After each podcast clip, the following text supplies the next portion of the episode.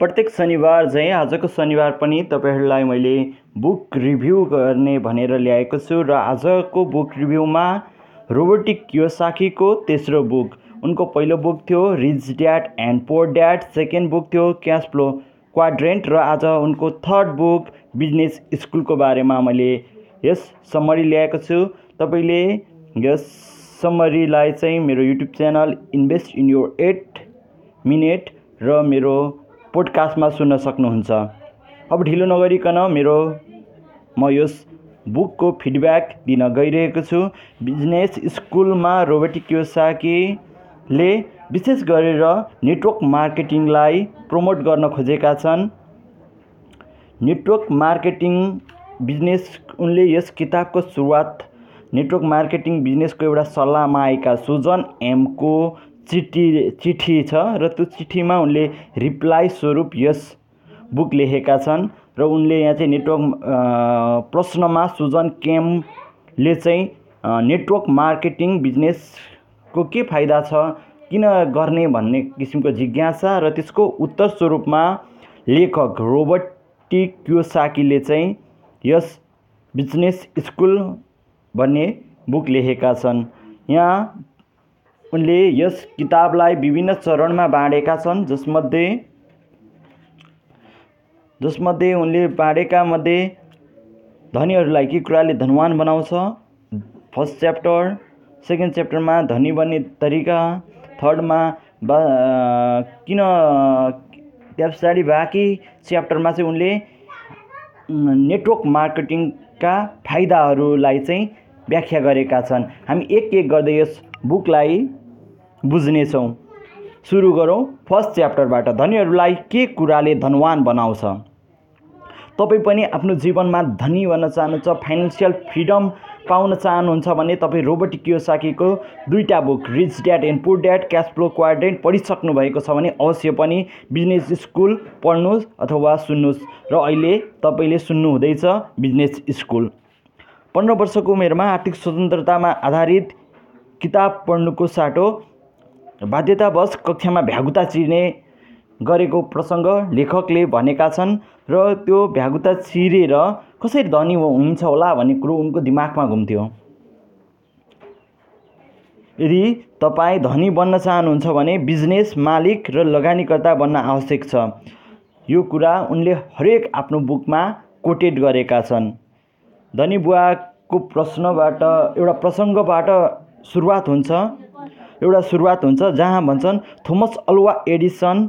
को थिए? हामीले चिनेका थोमस अल्वा एडिसन मात्र एउटा आविष्कारक थिएनन्। उनी त जनरल इलेक्ट्रिक र अन्य कैयौँ प्रमुख कम्पनीहरूका संस्थापक पनि थिए। यो कुरा हामीलाई थाहा थिएन। जुन कुरा लेखकले भनेका छन् हामीले थोमस अल्वा एडिसनलाई एउटा वैज्ञानिक मात्र रूपमा हेर्छौँ तर उनी एउटा व्यावसायिक विचारधारा बोकेका थिए। त्यही भएर हामीलाई फाइनेन्सियल नलेज आवश्यक छ भन्ने कुरा उनले यहाँ उठाएका छन्।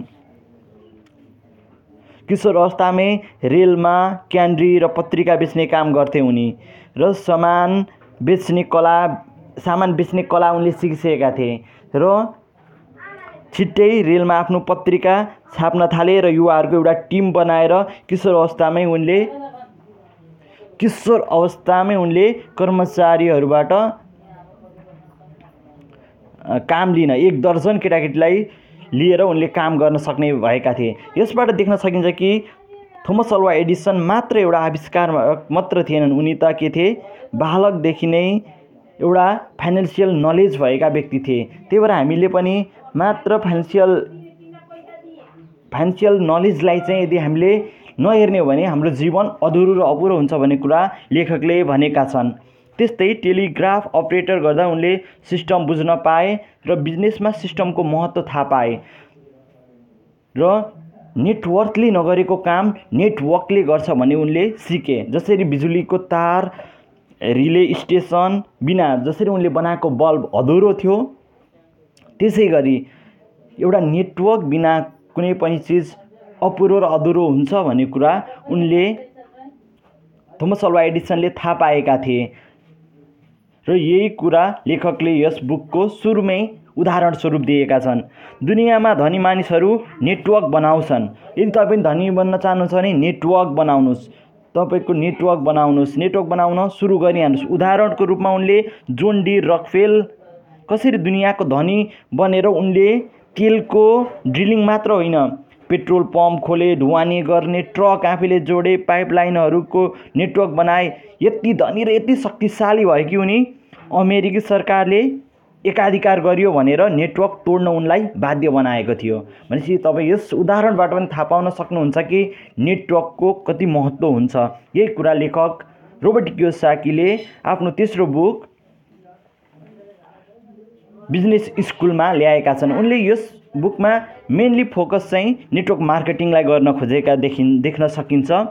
यदि धनी बन्न चाहन्छौ भने तिमीले धनीहरूका बिचमा नेटवर्क बनाउनुपर्छ। फेरि एकचोटि भन्छु यदि धनी बन्न चाहन्छौ भने तिमीले धनीहरूका बिचमा नेटवर्क बनाउनुपर्छ। यो कुरा उनले ल्याएका छन्। र धनी बन्ने तरिका लेखकले दोस्रो च्याप्टरमा एक्सप्लेन गरेको पाइन्छ। धनी त तपाईँ पनि तपाईँका शिक्षकले तपाईँलाई ग्रेजुएट बन्न र राम्रो जागिर खान योग्य बनाउन सक्छन् तर तपाईँलाई आर्थिक स्वतन्त्रता र मालिक बनाउन सक्दैनन्। यो कुरा उनले यहाँ भनेका छन्। फाइनेन्सियल सक्सेसको लागि हामीलाई तिन किसिमका एजुकेसन चाहिन्छ। एकाडेमिक जसले पढ्न लेख्न हिसाब किताब गर्न सिकाउँछ। प्रोफेसनल जसले कस्तो काम गर्दा पैसा कमाउन सकिन्छ भन्ने कुरा सिकाउँछ। अर्को फाइनेन्सियल नलेज। कसरी पैसालाई चाहिँ आफ्नो काममा लगाउन सकिन्छ भन्ने कुरा सिकाउँछ। त्यही भएर यो तिनटै किसिमको नलेजहरू हामीलाई हुन जरुरी छ भनेर लेखकले भन्नुभएको छ। पैसाका लागि काम गर्नुको सट्टा पैसालाई कसरी आफ्नो काम गराउन सकिन्छ भनेर सिक्नुहोस्। अहिले नै सिक्नुहोस् आजै सिक्नुहोस्। हामी धेरै तरिकाबाट धन आर्जन गर्न सक्छौँ। विवाहको माध्यमबाट बदमास बनेर लोभी बनेर सस्तो बनेर सस्तो थोरै चिजमा पनि आफ्नो इच्छा पुरा गरेर कडा मिहिनेत गरेर पैतृक सम्पत्तिले लगानी गरेर र नेटवर्क मार्केटिङबाट पनि धनी बन्न सकिन्छ भन्ने प्रसङ्ग लेखकले यहाँ ल्याएका छन्। नेटवर्क मार्केटिङ बिजनेस धन आर्जन गर्ने एउटा नयाँ र क्रान्तिकारी तरिका हो भनेर उनले भनेका छन्। नेटवर्क मार्केटिङका फाइदा उनले भनेका छन् समान अवसर नेटवर्क मार्केटिङले सबलाई समान अवसर दिन्छ। यसले धनी गरिबको त्यो वर्गीय विभेदलाई हटाउँछ। मानिसमा अभद्र र सिक्ने सिकाउने क्षमताको विकास गर्न छ यदि तिमीले कुनै गरिबलाई पैसा दियो भने दिन्छौ भने उसलाई लामो समय गरिब बनाइराख्छौ। फेरि एकचोटि यदि तिमीले कुनै गरिबलाई पैसा दिन्छौ भने उसलाई लामो समय गरिब बनाइराख्छौ उसलाई माछा मारेर दिने होइन माछा मार्न सिकाउने हो। उसलाई माछा मारेर दिने होइन माछा मार्न सिकाउने हो। त्यही भएर तपाईँ पनि आर्थिक स्वतन्त्रता प्राप्त गर्न चाहनुहुन्छ भने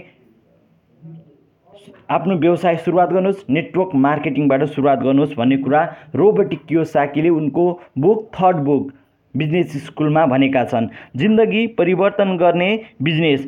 नेटवर्क मार्केटिङ चाहिँ एउटा जिन्दगी नै परिवर्तन गर्ने बिजनेस हो। हामी मानसिक भावनात्मक शारीरिक र आध्यात्मिक परिवर्तन हामीमा आवश्यक हुन्छ। यो कुरा लेखकले ल्याएका छन्। यदि तपाईँमा मानसिक भावनात्मक शारीरिक र आध्यात्मिक चारवटा परिवर्तन आएको छैन त्यो विकास भएको छैन भने तपाईँले व्यवसायलाई गर्न सक्नुहुन्न।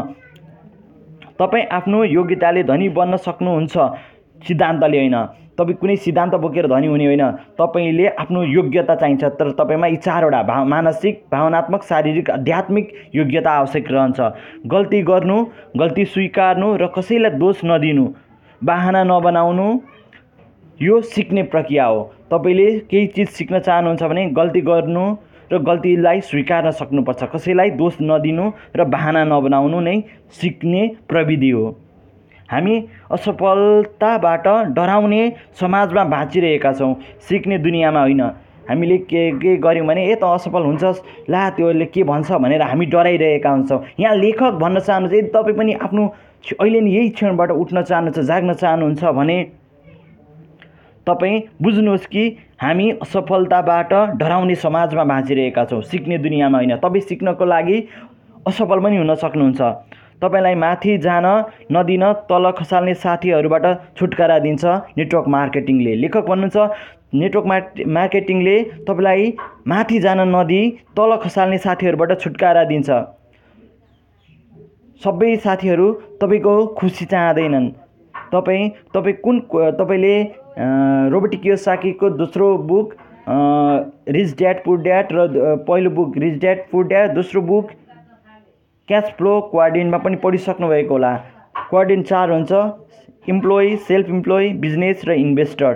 तपाईँलाई माथि जान नदिन तपाईँको मूल्य र साथीहरूको परिवर्तनले तपाईँको वर्ग परिवर्तन गराउँछ। तपाईँ कुन वर्गमा पर्नुहुन्छ employee self employee business or investor?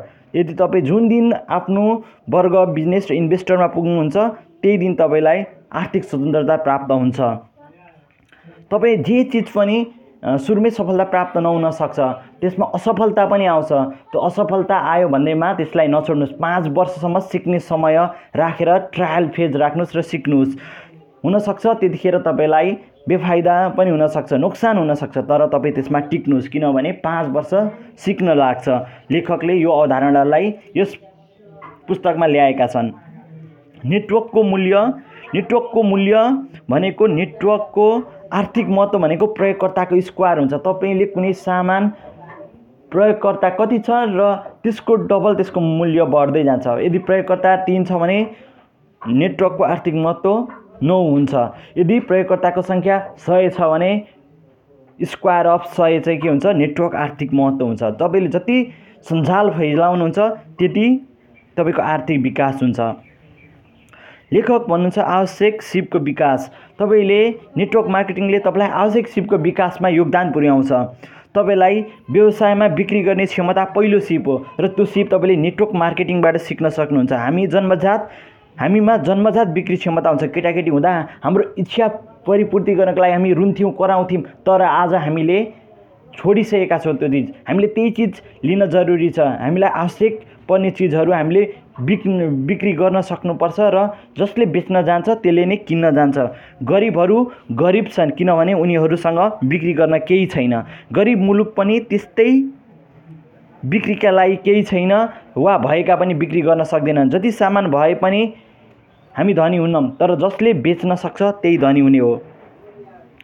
असक्रियलाई स्वीकार्ने क्षमता र निरन्तर प्रयासहरूका सिपहरू चाहिँ हामीले नेटवर्क मार्केटिङबाट सिक्न सक्छौँ भनेर रोबर्ट टिकियोसाकीले भन्नुभएको छ। लिडरसिप अर्को नेटवर्क मार्के मार्केटिङले हामीलाई चाहिँ लिडरसिपको क्षमतालाई चाहिँ अभिवृद्धि गर्न सहयोग गर्ने गर्छ।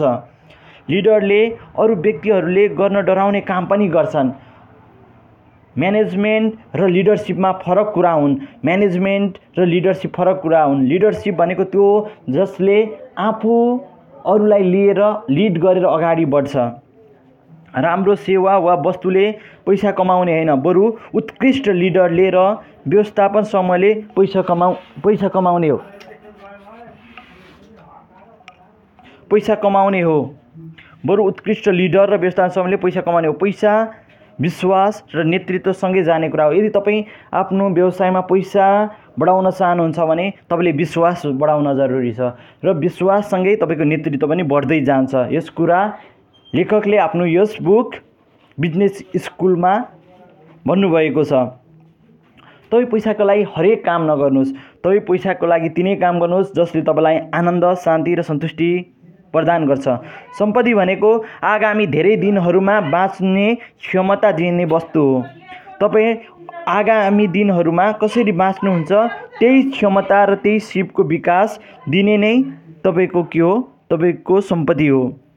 तपाईँ कुन चिजमा बढी बिलिभ गर्नुहुन्छ इन्कम र एक्सपेन्सेस एसेस्ट ओर ल्याबिलिटिज? यदि तपाईँको एसेस्टमा तपाईँको फोकस छ भने तपाईँ पक्कै पनि बिजनेस र इन्भेस्टर हुनुहुन्छ र यही चिज हो जसले तपाईँलाई आर्थिक स्वतन्त्रता प्रदान गर्छ।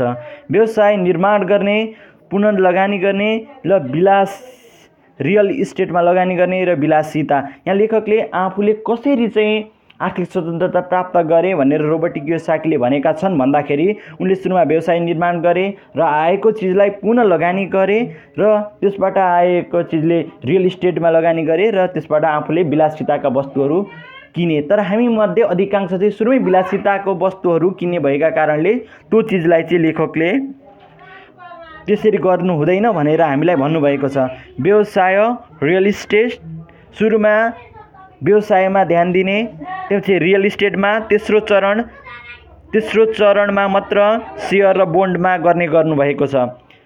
तपाईँ आफ्नो सपना अनुसारको जीवन बाँच्नुहोस्। सपना देख्ने ठुलो सपना देख्नु मात्र ठुलो कुरो होइन। लेखक भन्नुहुन्छ जसले ठुलो सपना देख्ने र तिनलाई साकार पार्ने र अर्को ठुलो सपना देखेर फेरि पुरा गर्ने कोसिस गर्छ त्यही सपना चाहिँ वास्तविक सपना हो। र त्यही सपना द्रष्टा चाहिँ वास्तविक सपना द्रष्टा हो। पारिवारिक बिजनेस नेटवर्क मार्केटिङ चाहिँ एउटा पारिवारिक बिजनेस पनि हो जसमा तपाईँ आफ्नो पार्ट टाइम दिएर पनि गर्न सक्नुहुन्छ र परिवारलाई पनि मेन्टेन गर्न सक्नुहुन्छ। धनीहरूले प्रयोग गर्ने ट्याक्स सम्बन्धी व्यवहार पनि तपाईँले नेटवर्क मार्केटिङबाट सिक्न सक्नुहुन्छ। यही कुरा चाहिँ लेखकले आफ्ना बुकहरूमा आफ्नो बुकहरूमा देखाउनु भएको छ। यदि तपाईँ पनि यसको विस्तृत बारेमा अझै पढ्न चाहनुहुन्छ भने तपाईँले बिजनेस स्कुल रोबोटिक व्यवसायदेखि लेखिएको तेस्रो बुक बिजनेस स्कुल तपाईँले अमेजनबाट डाउनलोड गरेर पढ्न सक्नुहुन्छ बुक पनि अर्डर गर्न सकेर पढ्न सक्नुहुन्छ।